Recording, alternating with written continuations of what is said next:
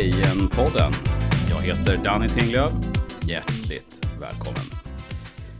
Om jag låter lite beslöjad, som det heter, eh, på rösten så beror det på att jag har en våldsam pollenallergisk eh, period just nu. Jag antar att eh, flera av er som lyssnar säkert har en liknande situation. Men det går ju över förhoppningsvis när eh, träden och eh, blommorna bestämt sig för att nu har vi pollinerat klart. Men tills dess så får man stå ut med eh, att eh, knapra piller, eh, köra såna här ögondroppar och eh, astmasprayer och annat kul. Innan, eh, ja, innan Jesus kommer tillbaka och liksom eh, man får uppstå i sin eh, förhärligade kropp. Den som inte eh, så att säga är, står under förgängligheten. Eh, hur som helst, idag så tänkte jag eh, att jag skulle tala om eh, eh, jag skulle ta tre stycken bibelställen som snabbt visar vem Jesus är som kungen över Israel. Och eh, ibland så eh, kan man ju, eh, Eh, speciellt jag, har en tendens kanske att, att köra på. Jag, liksom så här, jag gillar ju att tala om det här och det är lätt för mig att sitta och brodera ut i, eh, ja, i eh, kanske inte i all evighet, men, men ganska länge.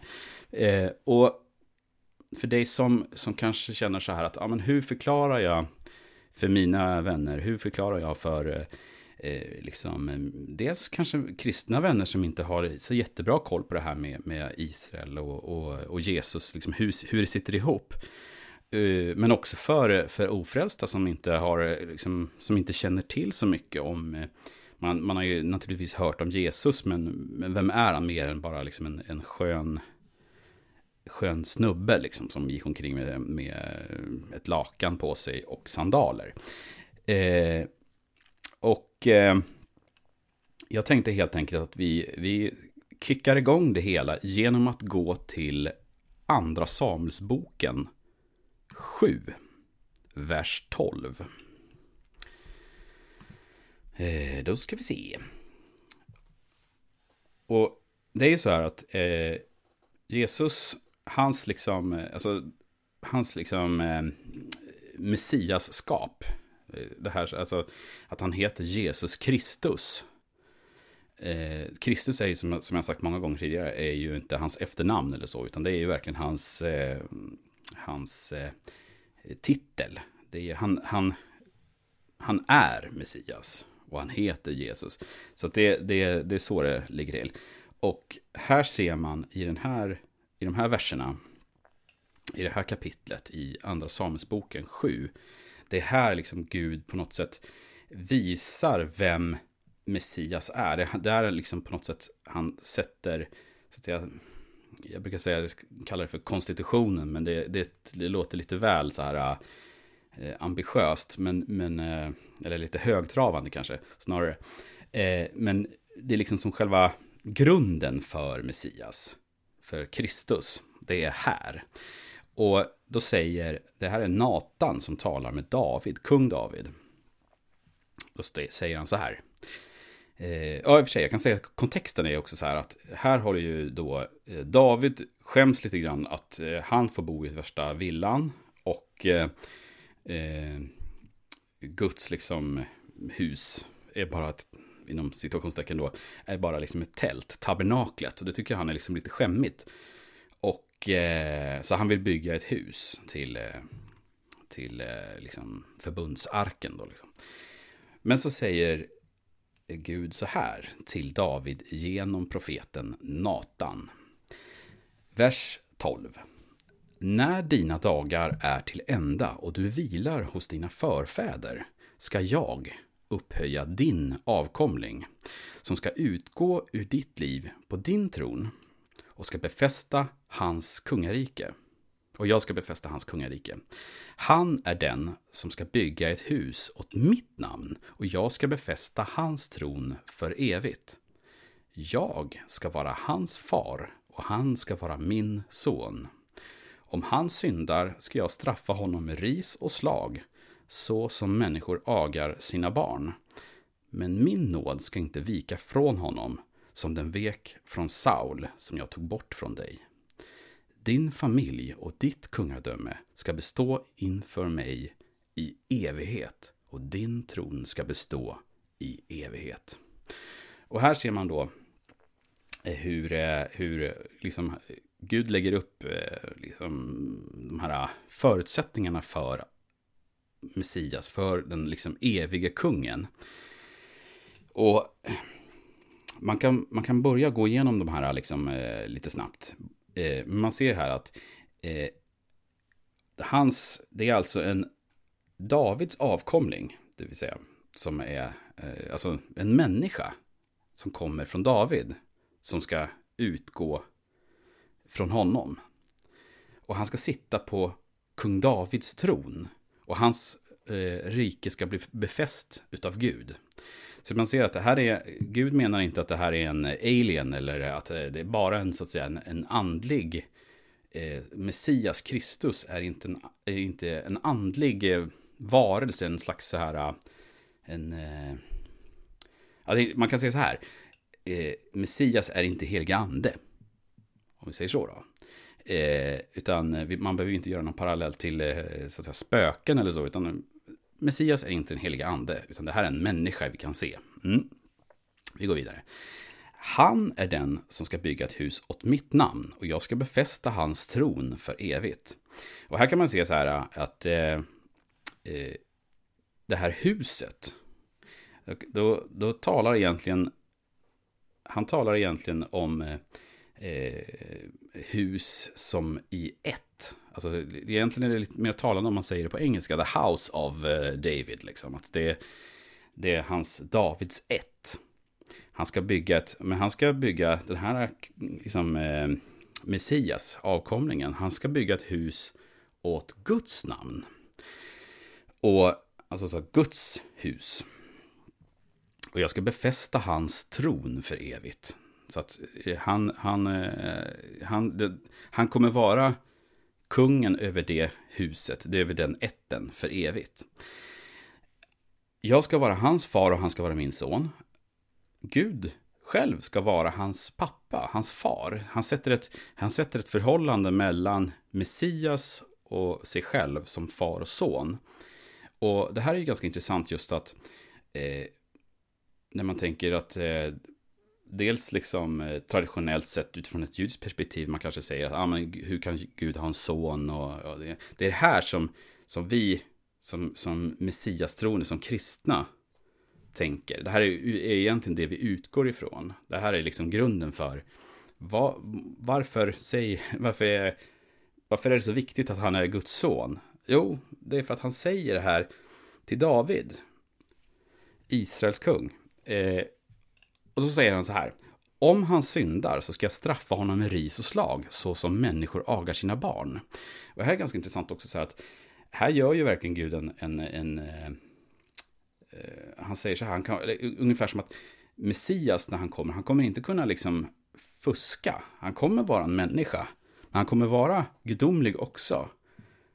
Men han kommer vara, han, det är inte så att hans gudomlighet är som ett slags Alltså han kan, eh, han kan låtsas, och det kan man ju verkligen se utifrån eh, det han gör sen, alltså det Jesus gör på, eh, på korset, liksom så här, och hela hans, hela hans vandring, hur han blir eh, så här, eh, han blir frestad utav, utav djävulen i 40 dagar och, det, och liksom han säger, djävulen säger du kan få allt det här om du faller ner och tillber mig. Det är inte så att han liksom ja, att han är, liksom, ungefär som att han inte egentligen blir frestad, utan det är han, han blir verkligen frestad på riktigt. Uh, så att det är just det där att han skulle kunna ha gått med på det.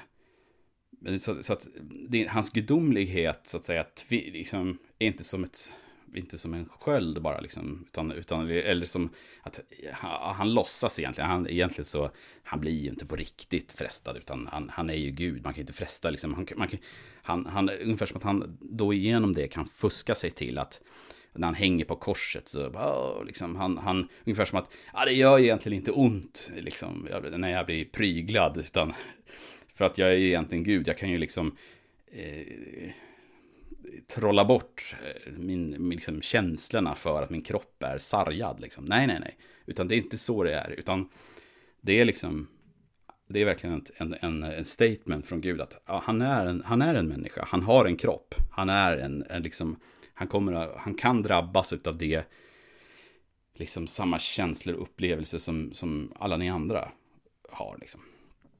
Men Guds nåd ska inte vika från honom, som den vek från Saul. Det vill säga, eh, Saul, han, han, eh, han, gick, han gick ju bort ifrån Gud.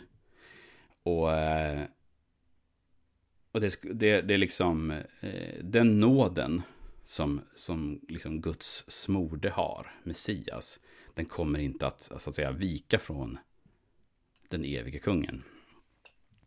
Och sen då, slutligen i vers 16 så säger han, din familj och ditt kungavälde ska bestå inför mig i evighet och din tron ska bestå i evighet. Det vill säga, din kung Davids tron som är på jorden kommer att bestå för evighet. Och det här är lite konstigt för att man kan ju ändå, man kan ju ändå se att eh, rent, rent naturligt så eh, är ju inte den tronen så att säga i funktion just nu. Davids tron är ju, var är den någonstans? Men den, liksom så här, var finns den tronen? Om man skulle göra en, en liksom så att säga, upprätta tronen igen. Det är inte, det är inte egentligen att, det här kan ju låta lite löjligt så här, ah, han ska få hans, ungefär som, ah, ska han få hans stol? Och det är inte det, är inte det utan det är ju själva auktoriteten som, som, eh, det är ungefär som amerikanska presidenten. Presidenter, personen kommer och går. Det är ju vart, vart åttonde år så måste ju de byta ut. Han får inte sitta längre. Och, eh, men presidentämbetet, det försvinner ju inte. Den amerikanska presidenten, man kan prata om det, den är ju egentligen evig inom situationstecken.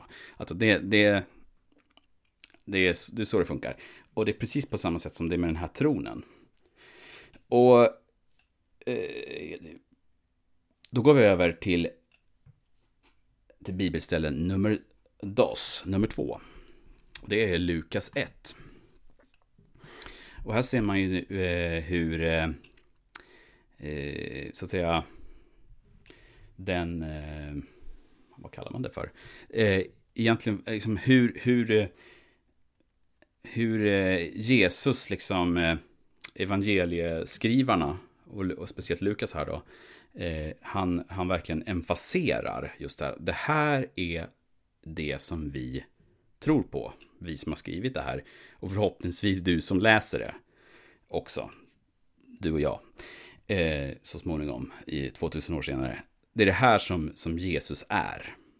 Så det är en skillnad på att, att vara, så att säga, eh, Jesus, frä, alltså frälsningen, det är ju vad Jesus gör.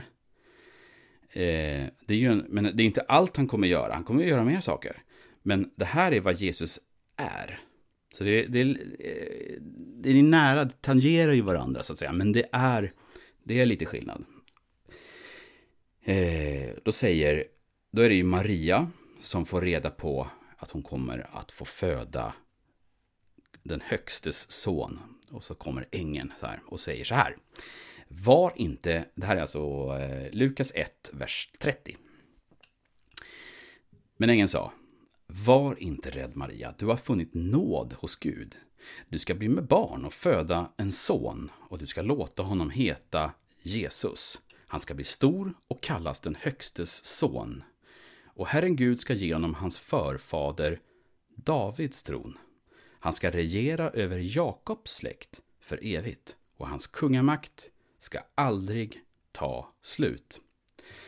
Och det här, här, gör, ju, här gör ju ängeln verkligen en, en eh, han gör ju en referens direkt till det vi läste i Andra Samuel 7. Det är ju att för det första så ska han föda han ska ju, han ska eh, bara en, och det står ju son i den här översättningen, borde stå så i de flesta översättningar tror jag, son med stor, stort S.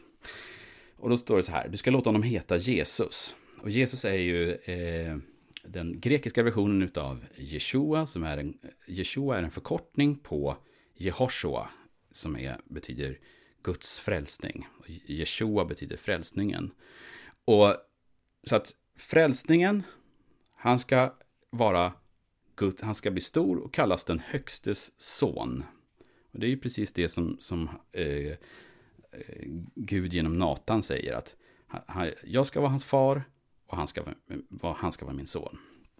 Och Herren Gud ska ge honom hans förfader Davids tron. Och det här är nog en, en, eh, en liten mening som kanske många kristna hastar över och tänker, så här, ah, tänker inte så mycket på att det är faktiskt det här det står. Eh, strax efter det här kommer ju jule, det vi kallar för julevangeliet och så här. Och det, det är lätt att det här, den här texten blir väldigt så här, ah, ja men det, det är lite berättelse, lite, lite så här, ja det är intressant, men det, det har ingen, det har ingen liksom, det förändrar inte så mycket av, av liksom eh, det dagliga livet lite grann. Va? Utan det är så här, ja men det är intressant, men, men eh, vad, vad finner jag alla coola grejer han gör nu då? Men här ser man verkligen så här hur, hur evangelisten Lukas vill få dig och mig att förstå att det är Davids tron, det vill säga ämbetet som Davids tron innebär, som Jesus ska ha. Och det har ju, det har ju inte skett än. För som Davids tron är ju inte, det är ju inte en andlig tron, utan det är ju en riktig tron på jorden. Över ett riktigt rike, liksom i... Och det är egentligen... Eh, det här ser man ju också kopplingen till Jerusalem. Att Davids tron är i princip liksom... Det är ju samma som Sion. Alltså det är så här, det sitter ihop med, med, eh, med Jerusalem. Man kan inte liksom ta bort, precis på samma sätt som man inte kan ta bort Jesus ur Israel, så kan man inte ta bort Davids tron från Jerusalem. Så att Davids tron, den är i Jerusalem. Ämbetet utgår därifrån. Och så står det så här, han ska i vers 33, han ska regera över Jakobs släkt för evigt. Jakobs släkt. Jakobs släkt innebär ju att det är människor som han ska vara och regera över. Så att det, här kan man se också så här hur, hur viktigt det är för oss som kristna att, att se att det judiska folket är utvalt. Och att inte bara att de är utvalda, så, så, att, så att säga att föra fram, ja, ni ska föra fram, eh, ur er så kommer Messias. Och, så, och nu är han här och, så nu, och nu har ni ingen roll längre. Utan det är så här att kungen över Israel, Jesus, han har också ett folk som ingår så att säga i eh, som tillhör Israel, hans rike. Det är ungefär som, eh, jag brukar tänka så här att, jag menar, vi, vi, som, vi som svenskar, vi, vi tillhör ju så att säga, vi är ju svenskar, vi, vi är en, vi har ett folk som, som bor här i Sverige och vi har en kung som heter Karl den 16 Gustav. Oavsett vad man tycker och tänker om Karl den 16 Gustav. Om man tycker att han är, ja men han är min kung. Eller om man tycker att det här med kung, det är egentligen bara en rest från feodalsamhället. Det spelar egentligen ingen roll i förhållandet mellan Karl den 16 Gustav och dig. Han är fortfarande din kung. Och på samma sätt är det med Jesus och Jakobs släkt. Alltså det vill säga det judiska folket. Att Messias och det judiska folket eh, går inte att så att säga plocka isär. Utan det är, det är ett folk som vars Messias kommer ur dem och han är kungen över dem. Och det är det, precis det han säger här. Och han ska vara det för evigt. Så att det är, här kan man ju verkligen se att det finns ett löfte från Gud också. Att han absolut inte har förkastat sitt folk. För det, jag menar, han kan inte förkasta så att säga eh, han, han har redan, han, han har redan liksom, det är en del utav hans verk med att liksom eh, skapa hela, så här, omskapa hela, ja men hela verkligheten egentligen. Och hans kungamakt ska aldrig ta slut. Hans makt ska aldrig ta slut. Så att, eh, och det är precis det, det som eh, Nathan säger till David också. Det, ska, det, här är, det här är för evigt, det här är ingenting som, som bara tar slut. Eh, så att eh, det, det, är tunga grejer. Det är verkligen så här, wow. Men jag blir så här, uh, det är, ja, det är fantastiskt. Vi, eh, vi går över till, eh, till eh, nummer tre. Jag hoppas inte att, att det här, jag skulle, tre, tre snabba bibelställen. Jag hoppas att det blir eh, någorlunda snabbt i alla fall. Eh, Apostlagärningarna 1 och 6.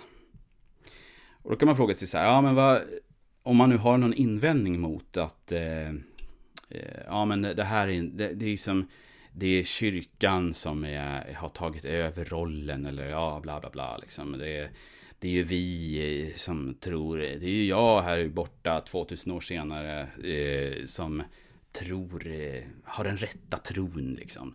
Och eh, här kan man ju verkligen se att med lite logik också. Det är, eh, vi har fått ett förnuft från vår Herre och det ska vi använda. Det är inte så att man, när man blir, tar emot Jesus så blir man en slags lobotomerad zombie. Utan det är faktiskt så att man kan också tänka att ja, det är inte det är inte kanske helt enkelt för mig 2000 år senare att veta alla detaljer om Gud, om hans, eh, hans frälsningsverk. Jag kan, att, att jag förstår allting som, så att säga, eh, att jag kan bara läsa rakt upp och ner utan någon form av, liksom, jag säger Bibeln, att jag kan läsa Bibeln rakt upp och ner och, och känna att, eh, och läsa att, ja men det här är, det här är ju solklart. Liksom. Jag behöver inte, jag behöver inte eh, fundera vilken kontext det är eller vem han pratar med eller hur som helst.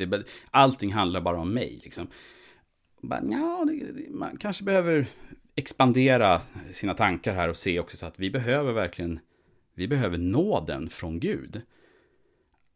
Att verkligen så här, okej, okay, säga så här, jag, vi kan inte veta allt. Och uh, vi, vi har bara förhoppningen om att vi har hoppet i, i frälsningen när Jesus kommer tillbaka. Eh, och då säger så här, eh, här då i Apostlagärningarna. Då har, det här är strax innan Jesus tar och eh, far upp till himlen. Och han, han samlar sina lärjungar. Och så säger lärjungarna så här. När de var samlade frågade de Jesus. Herre, är det nu du ska återupprätta Israel som kungarike? Och han svarade då, och lägg märke till vad han svarar. Det är inte er sak att veta tider och stunder som Fadern i sin makt har bestämt. Men när den helige anden kommer över er så ska ni få kraft och ni ska vittna om mig både i Jerusalem, i Judeen och i Samarien och över hela jorden. La ni märke till vad Jesus sa? Han sa inte, nej grabbar, nu, nu har ni, alltså seriöst, nu har, jag, nu har jag gått med er i tre år och ni har inte fattat ett smack. Det är ju faktiskt liksom, eh, nu, nu är det här ni tror på och har följt, det, det är passé och nu är det någonting annat som gäller. Nej, han säger så här när de frågar honom om det är dags att återupprätta Israel som kungarike nu. Så säger han, det är inte er sak att veta. Stunder som fadern i sin makt har bestämt. Det vill säga, han skulle kunna ha sagt, om man nu, är, är, om man nu tror på ersättningsteologi, att nej, nej, nej, det är kyrkan som gäller, det är nu, alla flyttat till Rom och, och nu, nu blir vi italienare hela, hela ligan. Liksom. Icke. Han säger bara, nej, nej, nej, det är inte er sak att veta. Det är jag som är kungen och det är ni som är mina vittnen. That's it. Det är inte, och det här kan man ju säga, så här, det är så tydligt att det är, det är verkligen det här som gäller. Och, och, och hur de som skriver Nya Testamentet, de, för dem är det så, det, det är liksom, det är så självklart att det här är det Jesus ska göra. Så det är inte så att de sitter så här och varenda mening, ja, så ska han, upp, så ska han upprätta Israel som kungarike. Det är, så, det är så självklart att man förstår för dem att Jesus, Messias, är kung Davids ättling, han som har Gud fader som sin far och är Guds son. Och han ska regera över Jakobs släkt för evigt. Det är så, det är så självklart för dem så att det är liksom...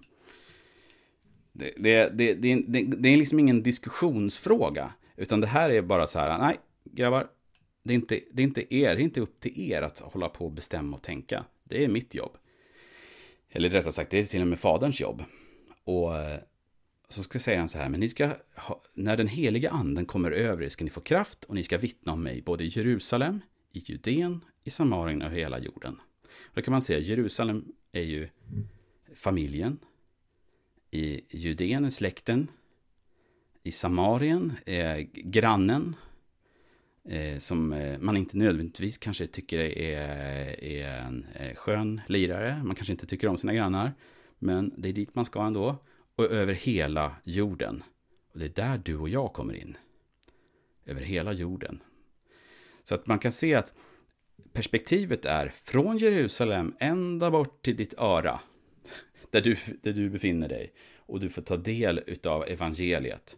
Och evangeliet är att han ska komma tillbaka med frä, som frälsaren och återupprätta Israel som kungarike. Och frälsningen finns i hans rike.